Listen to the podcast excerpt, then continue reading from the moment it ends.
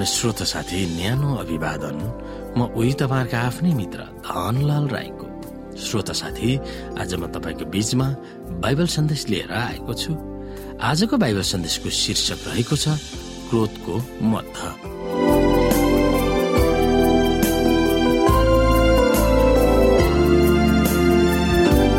श्रोता बेबिलन वा गलत धार्मिक प्रणालीको प्रभाव कतिसम्म रहेछ भनेर हामी यहाँनिर प्रकाशको पुस्तकलाई हेर्न सक्छौ।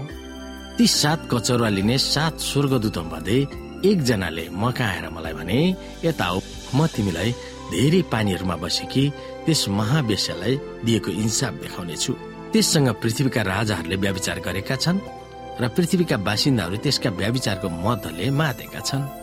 ती स्वर्गदूतले मलाई भने तिमीले देखेका ती पानीहरू जहाँ त्यो बेस्या बसेकी छे ती चाहिँ मानिसहरू भिटहरू जातिहरू र भाषाहरू हुन्। र यसै हामी प्रकाशको पुस्तक अठार अध्यायको एकदेखि चारसम्म हेर्न सक्छौँ।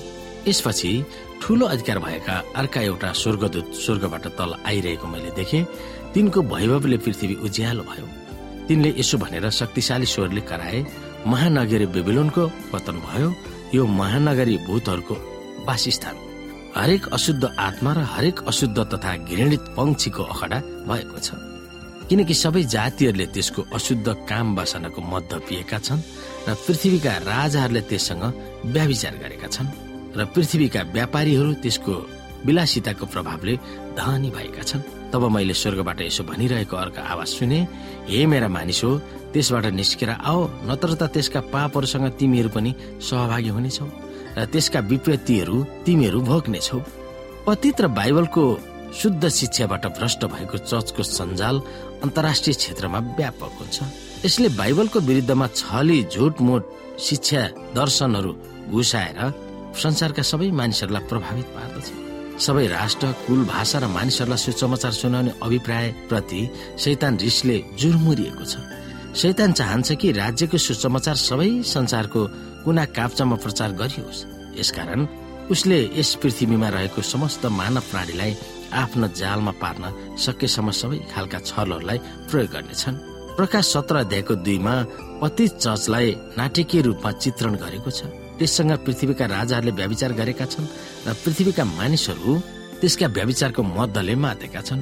अङ्गुरको शुद्ध रस नयाँ करार भरि यसुको शुद्ध र निर्मल रगतको प्रतीक भनेर मानिएको छ।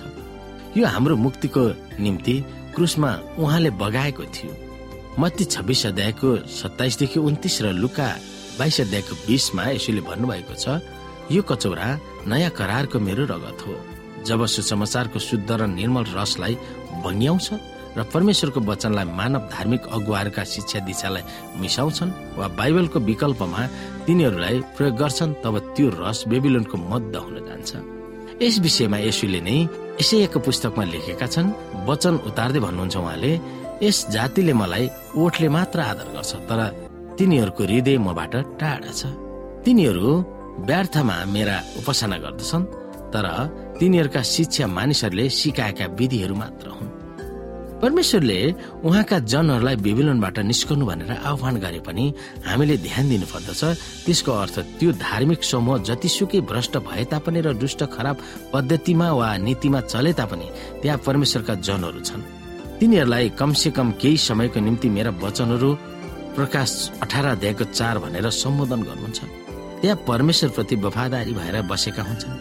सायद दबिएका होलान् वा लुकिएका होलान्।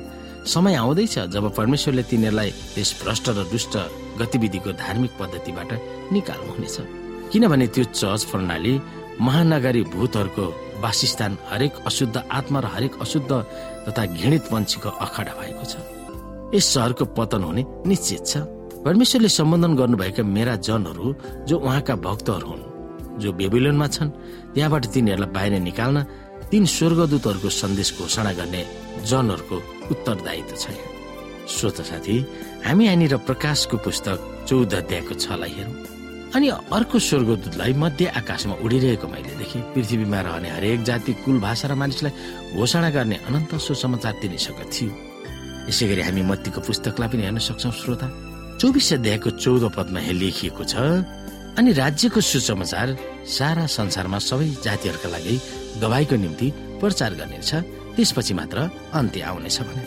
श्रोता साथी हामीलाई विश्वास छ यो राज्यको सुसमाचार भनेको परमेश्वरको राज्यको सुसमाचार सारा संसारहरूमा मानिसहरूको लागि गवाईको निम्ति प्रचार गरिनेछ र त्यो काम अहिले भइरहेको छ।